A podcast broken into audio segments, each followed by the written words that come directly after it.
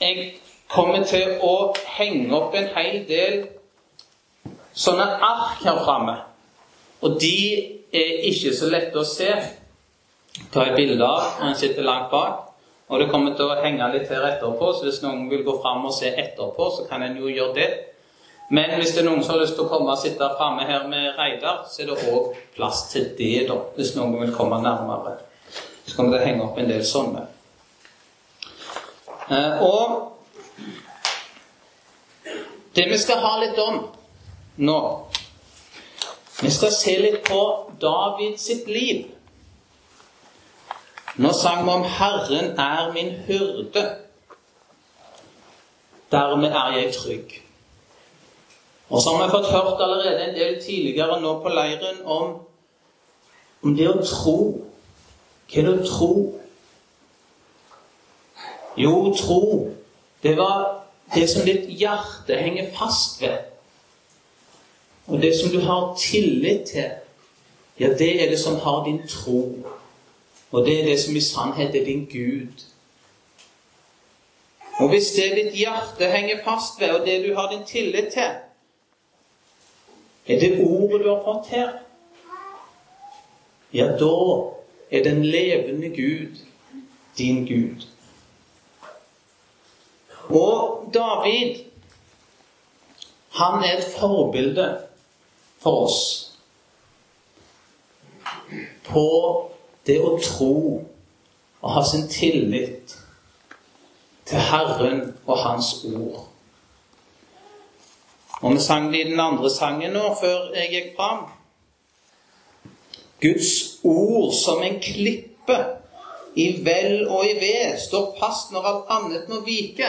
Ja, Det er flott å synge når det blir litt sånn god sang sammen. Og så kan vi synge det, og så kjenner vi at ja, dette er så godt. Guds ord som en klippe i vel og i ved står fast. Tror du det? Tror du det? Når du står opp om morgenen og går i gang på en ny dag, tror du at Guds ord står fast som en klippe i vel og i ved, uansett hvordan denne dagen er, og hva som møter deg? Det er lett å synge det sammen her nå, og kjenne det godt å synge sammen. Stå fast når alt annet må vike.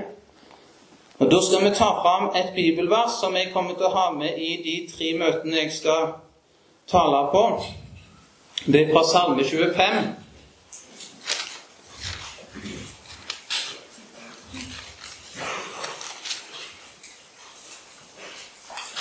Salme 25 og de første Ja, vi kan lese de første fem versene.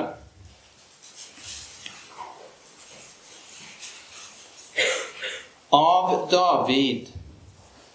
Til deg, Herre, løfter jeg min sjel.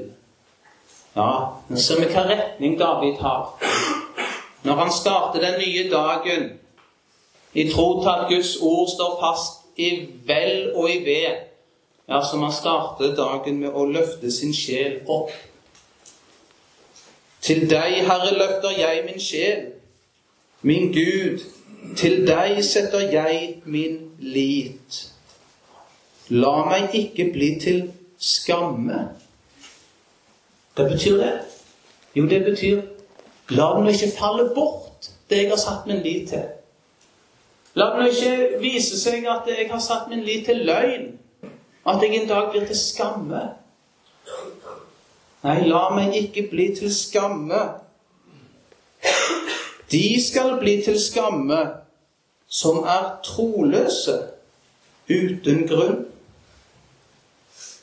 Herre, la meg kjenne dine veier, lær meg dine stier. Led meg i din sannhet og lær meg. For du er min frelses Gud. På deg venter jeg hele dagen.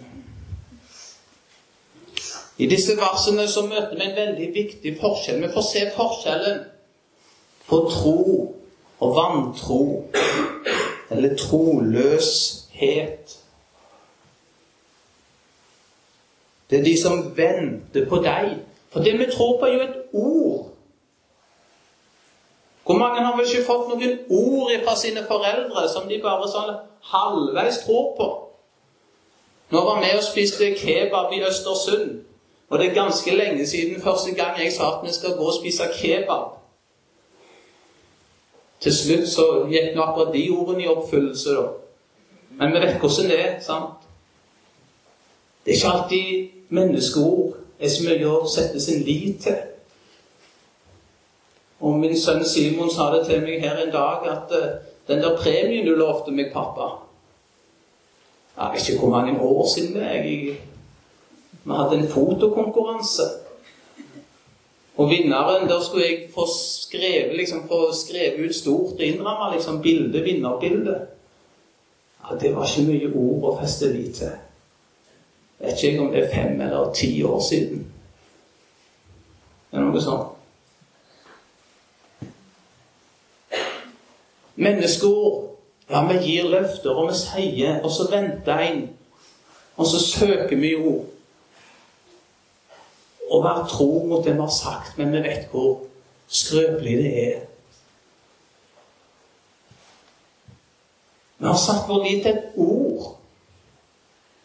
Og Det betyr vi venter på at det skal skje. Og sånn er det med et Guds barn. Det er en som venter. For han satte sitt liv til et ord. En ser det ikke. Det står om å vandre med det usynlige for øyet. Vi har ikke det synlige, men det usynlige for øyet. Vi ser det ikke. Vi har det ikke her. Vi eier det i himmelen. Fordi det står det her, og så tror vi det. Og så venter vi på at Guds ord skal skje. Men så var det de troløse. De skal bli til skamme som er troløse. Ja, de som slutta å vente på dette ord. De som ikke lot hjertet henge fast ved dette og hadde sin lit til dette. Men det ble noe annet de satte sin lit til. De skal bli til skamme. For det var en troløshet som var helt uten grunn. For det er dette som står fast i det og i Beb. Og her har David og Davids liv mye å lære oss. Og nå, på møtet nå så skal vi se litt på, på litt kronologi i Davids liv. Denne tråden her, det er Davids liv. Han eh, blir her, og så dør han i andre enden. Og det er 70 år, det. Så denne tauen er 70 år. Og så skal jeg henge opp noen lapper fra Davids liv, men det blir bare noen. For det står så mye om David og det som skjedde med han og rundt han, og vi har salmene og ja, en mengde. Og da skjønner vi her er det noe for Guds folk å stanse ved og lære og grunne på. Eh, og På de to andre møtene så skal vi se på to av personer som var veldig viktige i Davids sitt liv, og som sto han veldig nær. Men samtidig en så enorm forskjell på dem. Den ene er Jonathan, og den andre er Joab. Så de skal vi, skal vi lese litt nærmere om på de andre møtene. Men Davids liv Ja, først nå kan jeg jo henge opp den lappen her. Det var vers 1-3 i Salme 25. Og så henger vi opp den lappen her. David blir født. Og Det kan godt være noen som er bedre på årstall enn meg. og Hvis de har lyst til å arrestere meg på årstall, så er de hjertelig velkomne til det. Men da får de komme til meg etterpå. Men jeg syns det var veldig greit at han ble født i 1040. Og så dør han i 970. For det var liksom runde tall. Litt lettere å huske. Om det er et år eller to eller tre feil, det Ja, det vet jeg ikke. 1040. David blir født. Og når David blir født, så har Saul vært konge i, i ti år. Og det var to personer jeg har bilder av på lappen her når David blir født. Den ene var Samuel. Samuel han hadde vært eh, dommer og profet i Israel og ledet folket. Det hadde vært vekkelse med Samuel. Guds ord hadde igjen fått en plass i folket. Men likevel det var ikke mange som i sannhet hadde sitt hjerte som hang fast ved dette ord. Og så krevde de seg en konge som de andre folk, og så fikk de Saul. Og ganske snart så vendte Saul seg bort ifra Herrens veier og gikk sine egne veier. Og når David blir født, så, så lider Israel under andre folks overmakt. Filisterne herjer med dem. Og så skal vi henge opp en ny lapp her.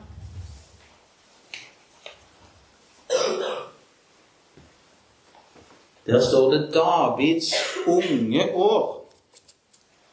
Og Da skal vi begynne å slå opp i Bibelen. Nå skal vi slå opp i 1. Samuel, kapittel 16. 1. Samuels bok, kapittel 16.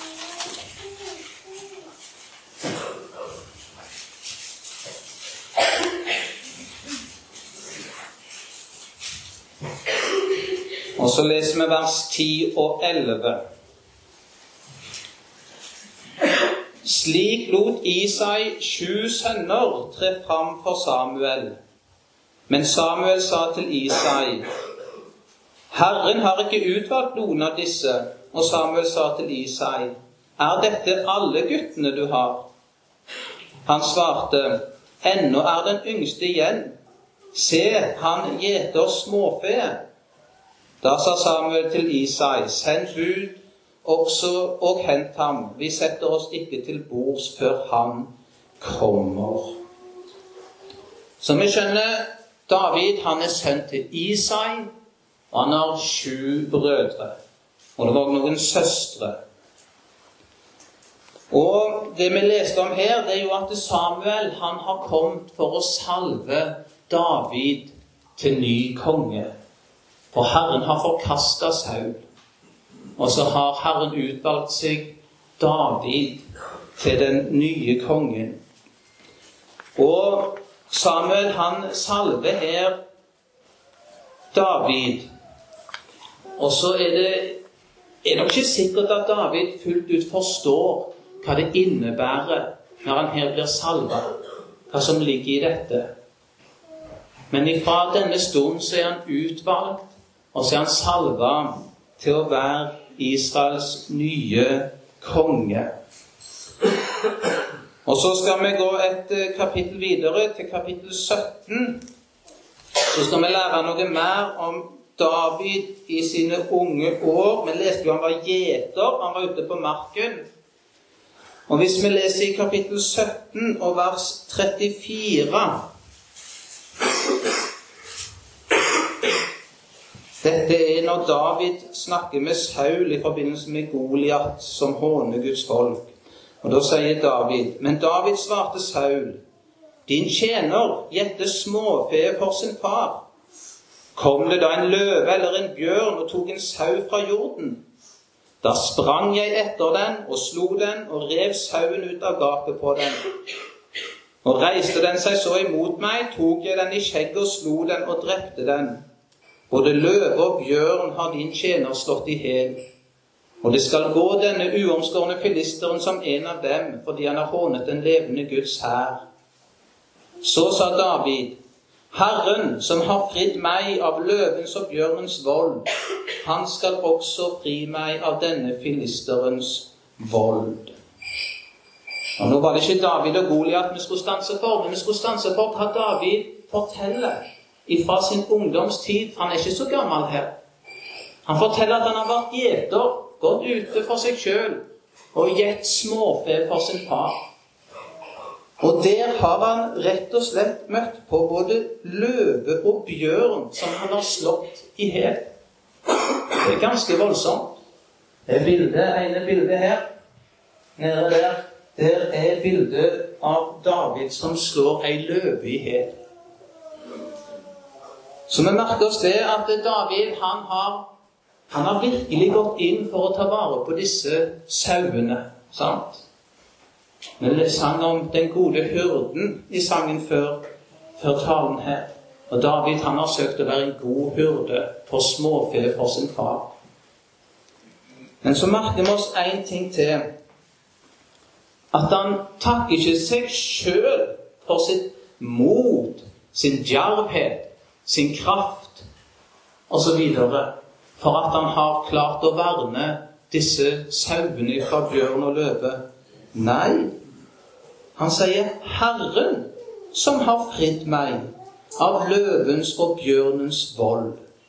Han skal også fri meg av denne filisterens vold. Her ser vi noe av Davids tro og tillit til Herren. Han takker Herren som har fridd ham fra bjørnens og løvens vold. Det er tro og tillit til Herren i hverdagen, i det du er, der du, de tingene du møter i din hverdag. David sin hverdag i sin ungdom det kan være alene i ødemarken og bl.a. måtte møte bjørn og løve. Og så møtte han det i tro og tillit til Herren.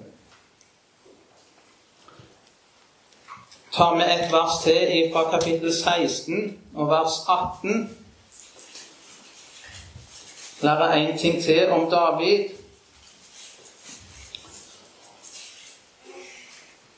En av de unge menn svarte og sa, Se, jeg har sett en sønn av Isai fra Betlehem, som er skyndig i å spille. Han er en djerv mann og en stridsmann. Han er god til å tale for seg og er en vakker mann, og Herren er med ham. Ja, her ble det sagt mye godt om David, og vi ser han er fra Betlehem, skyndig i å spille musikalsk. Og han er en djerv mann og en stridsmann, god til å tale og en vakker mann. Og Herren er med ham. Han er en som setter sin lit til Herren. Vi leser jo Jesus, han bruker jo sjøl disse fortellingene vi har om David, han som satte livet inn for å vokte sine sauer. For det gjorde jo David, altså.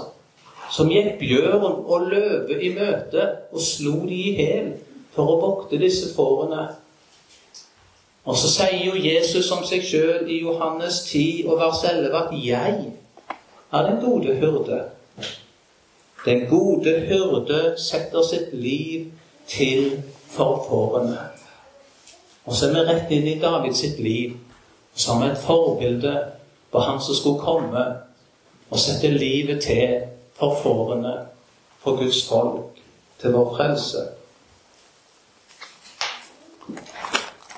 Skal vi henge opp en ny lapp her?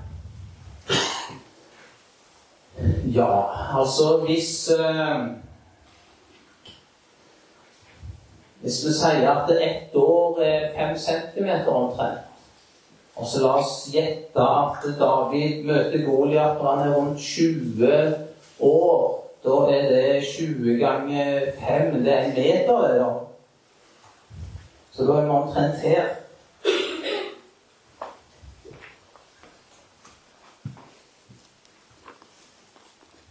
Vi har allerede lest noe av det. Og vi leste fra 1. Samuel 17 og vers 37 på hvilken grunn David går Goliat i møte. Og hva er det han går i møte? Jo, han går i møte overmakten. Han går i møte den umulige fienden. Han går i møte den som har tatt motet ifra folket. Og likevel så er det én som er villig til å gå og møte denne fienden som ikke kan beseires. Fordi han har sitt hjerte festa og sin tro til Han som har frelst han fra bjørnen og løven, til Herren og Hans ord. Og så har han fått tro for at det er Han som er sendt for å berge Israel fra denne fienden. Og så går han i tro til Herren. Åssen er det med deg? Guds ord som en klippe i hell og i ved står fast når alt annet må vike. Du har vel dine fiender i hverdagen, du òg. Du har vel dine ting som synes umulige. Og så er det jo så skrøpelig med oss, ikke sant? Og så er vi jo så svake. Og så kan vi jo gjemme oss unna og sette oss i en krok og tenke på hvor ille det er stelt med oss, og hvor svake vi er, og hvor vanskelig det er, og hvor håpløs fienden er, og hvor mye mektigere han er enn oss. Og, ja.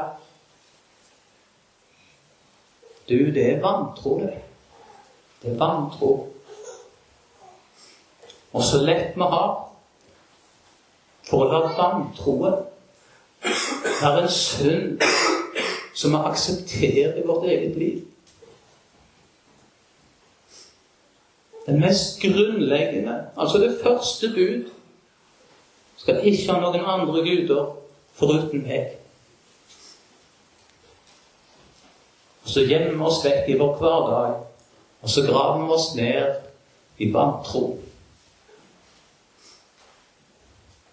David gikk ikke i tro til seg sjøl men i tro og tillit til Herren gikk han Goliat i møte.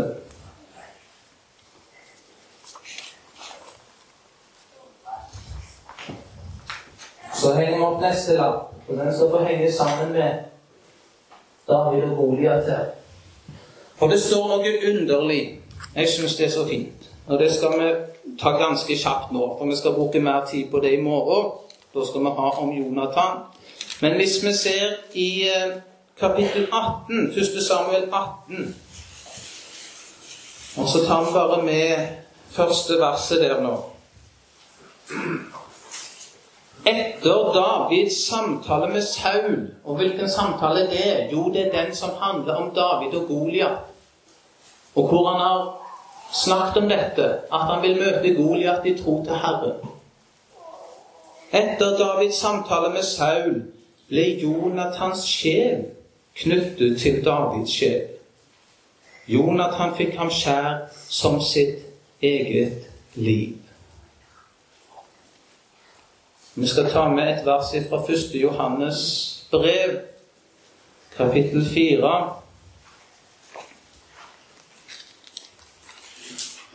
Og vers 7. Mine kjære, La oss elske hverandre, for kjærligheten er av Gud. Og hver den som elsker, er født av Gud og kjenner Gud.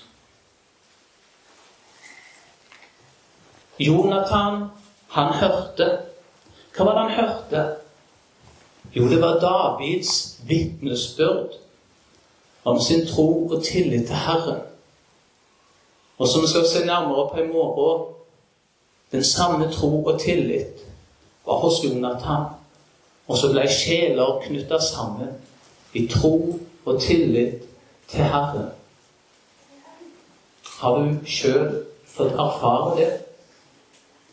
Hvordan du har blitt knytta til en kristen bror, kristen søster, gjennom det ord og det vitnesbyrd den har fått bære fram.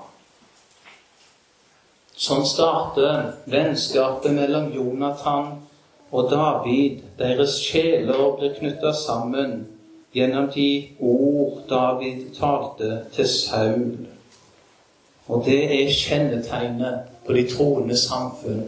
Det er denne kjærlighet i Kristus til Han som elsker meg først, som knytter de troende sammen. Så følger en lang periode for David med ganske vanskelige kår.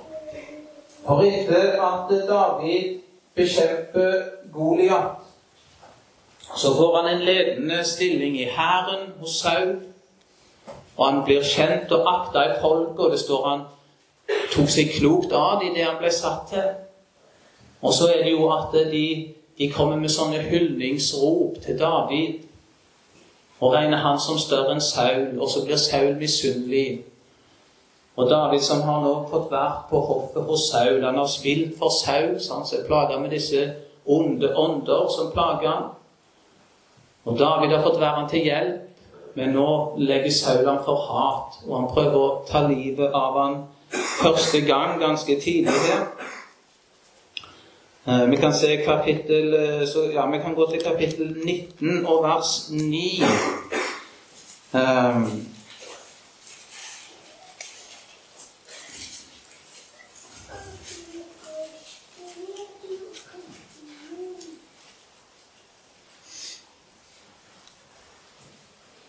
Og der leser vi en ond ånd fra Herren kom over Saul mens han satt i sitt hus med sitt spyd i hånden, og David spilte på harpen. Da prøvde Saul å støte spydet gjennom David og inn i veggen. Men han vek til side for Saul, så han støtte spydet i veggen. Samme natt flyktet David og slapp bort. Um, og vi tar med fra kapittel 20 Eh, vers 30. Kapittel 20, vers 30. Her er det Jonathan som taler Davids sak for sin far. Og så leser vi at da ble Sauls vrede opptent mot Jonathan, og han sa til ham, Du sønn av en dårlig og gjenstridig kvinne, vet jeg ikke at du har i seg sønn skjær, til skam for deg selv og for din mor som fødte deg. Så lenge Isais sønn er til på jorden, er verken du eller din kongemakt trygg. Send derfor bud og hent ham hit til meg, for han er dødsens. Altså, Saul har nå forstått at David er for han en trussel, for Saul vil ikke gå fra tronen. Selv om Herren har forkasta ham, så har jo Saul lenge gått på sine egne veier, søker sin egen makt og sin egen ære, og vil ikke bøye seg selv om han skjønner at Herren har utvalgt David. Og så må Jonathan tåle noe av det hatet som er mot David fra Saul. Det må òg ramme Jonathan. Eh, og Jonathan er jo kronprinsen. Den som Saul venter skal kunne følge han på tronen. Men Saul, han, nei, Jonathan setter ikke seg sjøl først men er tro mot sitt vennskap med David og det ord som han er overbevist om. Så blir David en lovløs, lever på flukt. Vi går til kapittel 22. Vi tar med vers 1 og 2 der. Så drog David bort derfra, flyktet til hulen ved Adullam. Da hans brødre og hele hans fars hus fikk høre det, dro de dit ned til ham. Og alle som var i nød, eller som var trykket av gjeld, eller som var misfornøyde, samlet seg om ham. Han ble deres høvding. Det var omkring 400 mann som var med ham. Og så er det mye som kunne vært tatt fram fra disse årene hvor David er på flukt, og hans liv til enhver tid er i fare. Er det ikke underlig hvordan Herren fører sine? David som hadde sin tro og tillit til Herren, i møte med Goliat.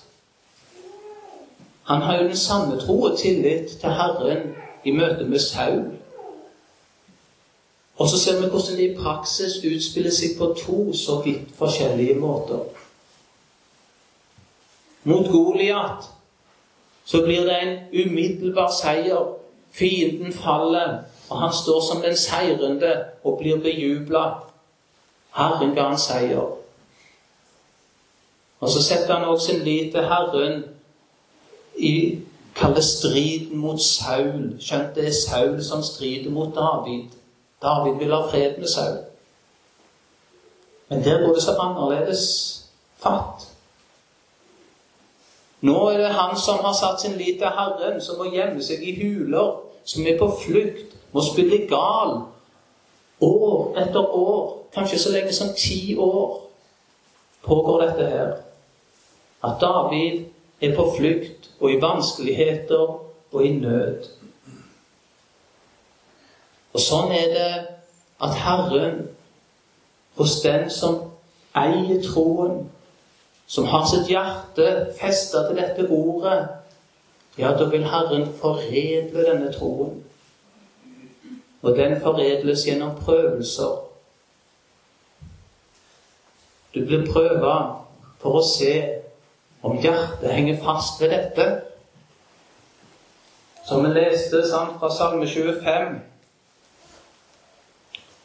La meg ikke bli til skamme, sier David. Å, det er så fristende å gi opp, ikke sant? Fem år, får ikke det holde? Syv år, åtte år, hvor, hvor lenge skal jeg vente? Ingen av dem som venter på deg, skal bli til skamme. La meg ikke bli til skamme. Og David han får virkelig fristelsen servert i hendene. Hvis vi slår opp i 1. Samuel 26 og vers 8 Dette er andre gang at David får Sauls liv lagt i sine hender. Han har alle muligheter til å ta livet av sin fiende. Men David vet at det ikke er rett av ham å gå fram på det vis og ta livet av Saul, Guds salvede. To ganger får han Sauls liv lagt i sine hender. Og så leser vi her i 1. Samuel 26 og vers 8. Da sa Abisai til David Gud har i dag gitt din fiende i din hånd. La meg nå få støte spydet gjennom ham og ned i jorden med ett støt, så jeg ikke skal behøve å gi ham et støt til. Men David sa til Abisai, drep ham ikke, hvem har utdratt sin hånd mot Herrens halvede og er blitt ustraffet. Og vers 11.: Herren fri meg fra å legge hånd på Herrens salvede. Og det er så fristende å ta saken i egne hender. For det finnes løsninger, det finnes veier, det finnes anledninger som synes så åpenbart bedre enn å vente på Herren. Og så er spørsmålet er en da blant de som venter på Herren, og kanskje blir sett på som en dåre av verden, som venter på Herren for ikke å bli til skamme, eller er en blant de som til slutt viser troløshet, tar saken i egne hender, men til sist ble en stående med skammen. De skal bli til skamme som er troløse uten grunn. For Det er uten grunn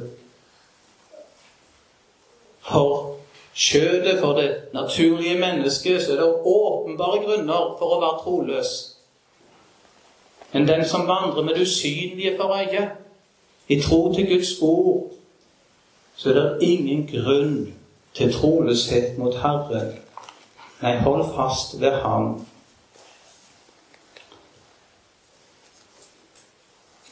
Saul, han dør i strid med filistrene, og det skal vi ikke stanse ved nå. Men da blir David konge. Som jeg, jeg sa det var ca. ti år og ti ganger fem, det er en halvmeter, det, så omtrent der.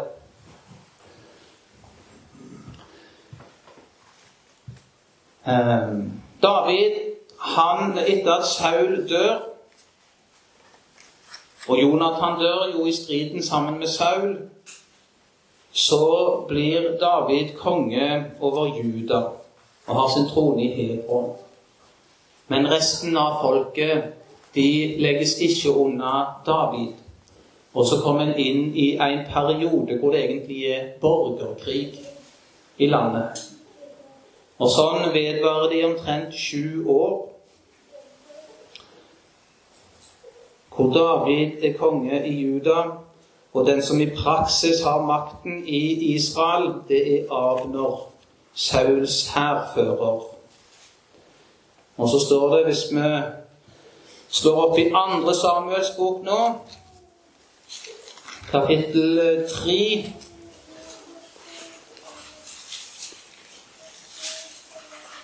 Andre Samuels bok, kapittel 3 og versene Vers 1 så står det om denne perioden at krigen mellom Sauls hus og Davids hus ble langvarig. David ble sterkere og sterkere, men Sauls hus ble svakere og svakere. Og etter omtrent syv år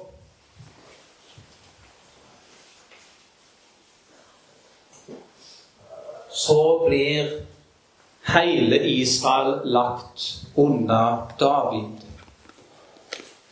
Og David er konge i hele Israel. Så vi ser, jeg, jeg, jeg har ikke alt på notatene mine skikkelig her, så må jeg gå her og lese. Hvis vi slår opp i 2. Samuel 5 2. Samuel 5 og vers 4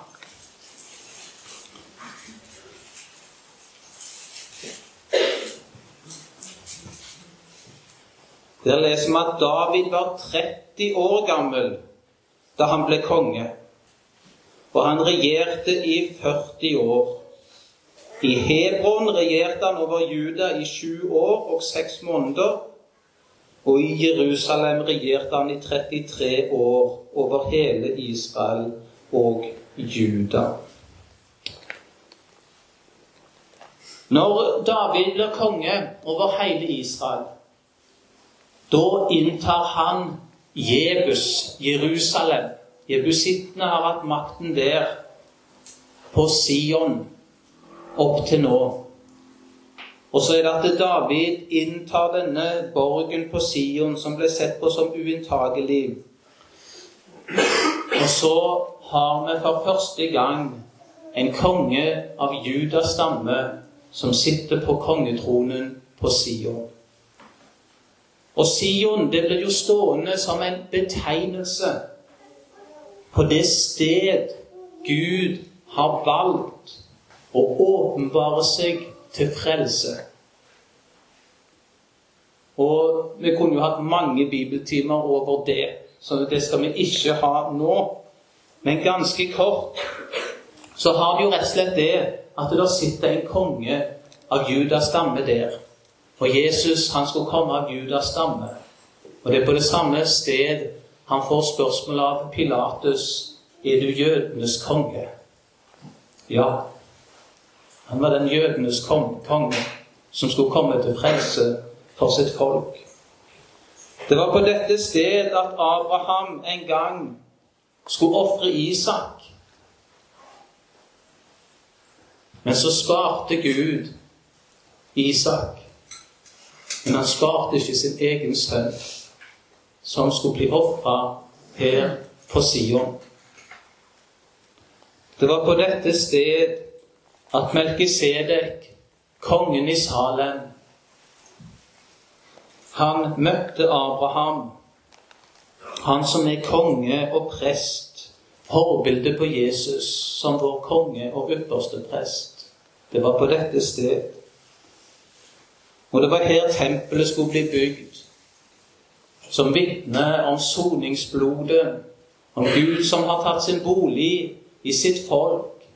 Og det er kun tilgang ved soningsblodet. Synden må sones om Gud skal kunne være nær oss. Alt dette handler det om når vi snakker om Sion.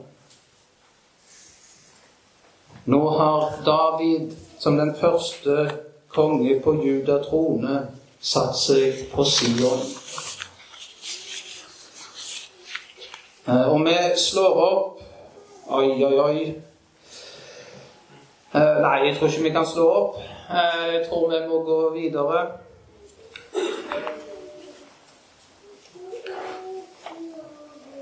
Jo, vi må slå opp, for heller å kutte på noe av det etterpå. Vi slår opp i 2. Samuel 23. Nå gjør vi et lite hopp her.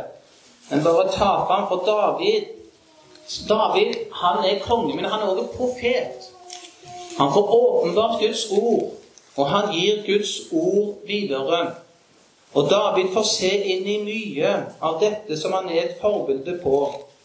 Og hvis vi leser i 2. Samuel 23, og så leser vi versene 2-5 Det er Davids siste ord.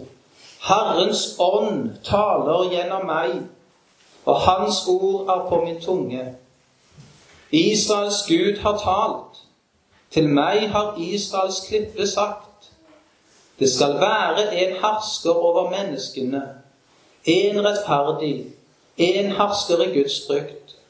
Han skal være lik morgenens lys når solen går opp, en morgen uten skyer, når gresset spirer fram av jorden ved solskinn og ved regn. For har ikke mitt hus det slik med Gud? En evig pakt har han jo gjort med meg, ordnet i alle deler og trygget, all min frelse og alt godt. Skulle han ikke la det gro fram? Skulle han ikke la det gro fram? Alle disse forutsigelsene, alle disse forbildene, alt dette som Gud har gjort på Sion for å åpenbare seg og sin frelse, skulle han ikke la det gro fram? Jo, han skulle la det gro fram. Jesus kom, ble korsfesta på dette sted. De ropte til han når han kom inn i Jerusalem, ikke sant? Hosianna, Davids sønn. Her var denne Davids sønn. Nå gror det fram. Velsignet være Han som kommer i Herrens navn. Og så ropte han ut, det er fullbrakt. Og så må vi bare Jeg skal henge opp, men jeg sier ingenting. David bringer paktsarken, Herrens paktsark, til Jerusalem. Og vi har fått høre om at vi skulle lese budene nøye. Det lærte David når han skulle bringe paktens ark til Jerusalem. At en skal lese Guds ord nøye.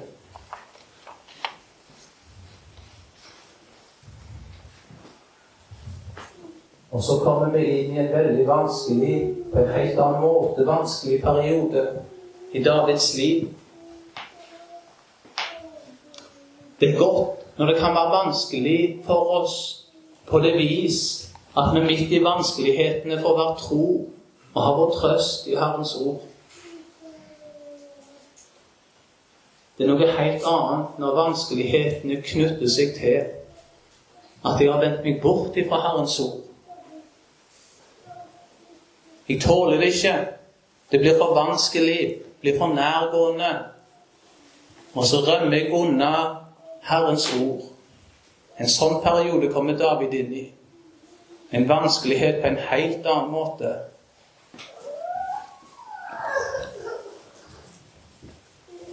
Og når han tar livet av Urian og tar hans hustru Batseba til seg og fører fram en løgn og elendighet, ja, så får han syndenes forlatelse for, for sine synder når han til slutt vender om.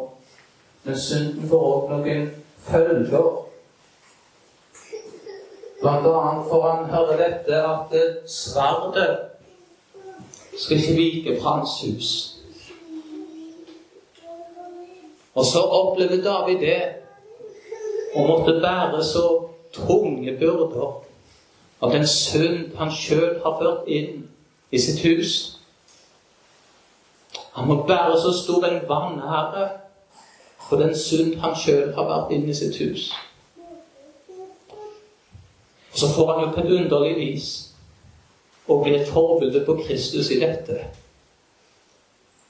Kristus som ikke bare sin egen synd og sin egen vanære men som òg måtte tåle vanæren for syndens skyld. Men han bærer det, bare det i vårt sted. David og Absalom, hans egen sønn, som gjør opprør med ham, ja, det skyldtes i stor grad Davids egne synder og følgene av de. Kan ikke gå nærmere inn på det nå. Så kan vi henge opp en lapp her som vi heller ikke skal bruke så mye tid på nå. Men vi kan henge den opp. Ja, få henge den bort her, da, siden det var ledig der. Joab, han var Davids nære på en måte medarbeider. Han var hans hærfører. Han var veldig Han var tro mot David lang, lang tid. Og mye sannsynlig så, så har han fulgt David allerede ifra når David må rømme fra Saul. Vi skal komme nærmere inn på det seinere. Men med Joab så merker vi at det er ikke som med Jonathan, at det er sjeler som er knytta sammen. Nei, selv om de var så tett i så mye, i arbeidet for Guds rike, så var de allikevel på hver sitt spor. Joab i vantro mot fortapelse, og David i tro til Herren på himmelvei. Sånn er det òg imellom oss. Det er ikke alle som er på samme vei. Og så skal vi Dette her er lappen for det bibeltimen som utgår. For jeg fant ut at bibeltimen i morgen, som vi står først, den må jeg dele på begge møtene i morgen. Hvis ikke så blir det altfor lenge. Men det er Ornans treskeplass. David som teller folket. Og Da tok Joab og advarte han at han ikke skulle gjøre dette. Men David ville det sånn, og så ble det gjort. Og så kom det dom over folket. 70 000 mann ble drept. Og så stansa dommen ved Ornans treskeplass. Det er nok, sa Gud. Og hvor var Ornans treskeplass? Jo, det var på Sion. Det var stedet der tempelet ble bygd. David kjøper denne plassen, og så bygger senere tempelet der. Det var stedet hvor, hvor Gud sa det er nok. Dommen er fullført. Dommen, den rammer Jesus. Og så kan dødsengelen stanses. Du kan gå fri. For det var en annen som dommen ramma i ditt sted. Og så har vi kommet til endes. David dør 70 år gammel, og Salomo blir konge etter ham.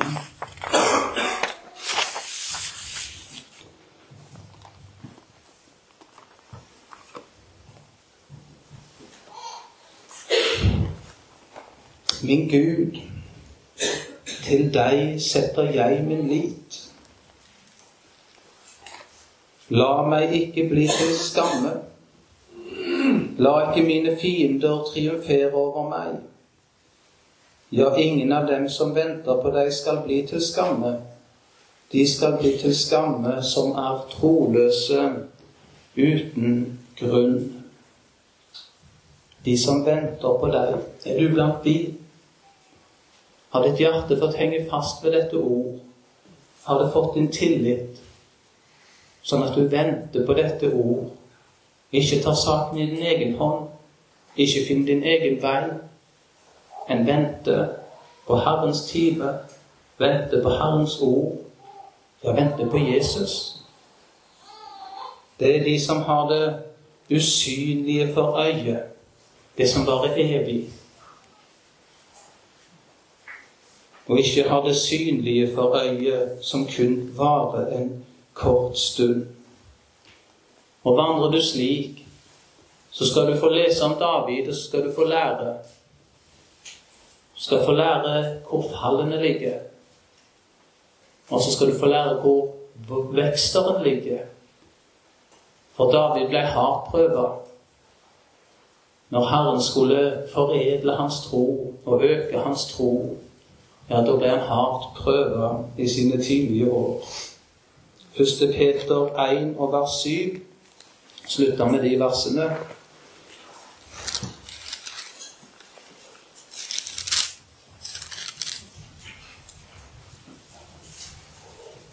Dette skjer for at deres prøvede tro, som er langt mer kostbar enn det forgjengelige gull, som jo lutres ved ild, skal finnes til lov og pris og ære ved Jesu Kristi åpenbarelse. Ham elsker dere, enda dere ikke har kjent ham. Ham tror dere på, enda dere nå ikke ser ham.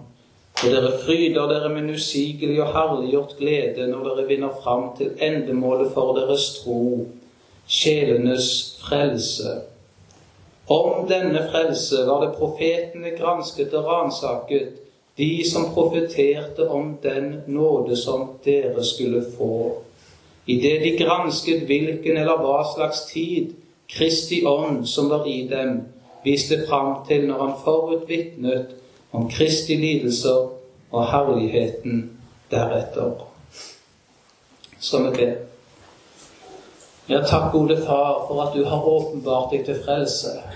Takk for at uh, i deg er jeg med syndenes forlatelse evig liv. Og så ber om nåde til å få granske Skriftene og lære deg å kjenne, lære dine veier. Og så ber vi om at du måtte ransake oss og prøve oss og se om vi er blant de som venter på deg og lever i tro og tillit til deg, eller om det er andre ting vårt hjerte henger fast i. Jesu navn. Amen.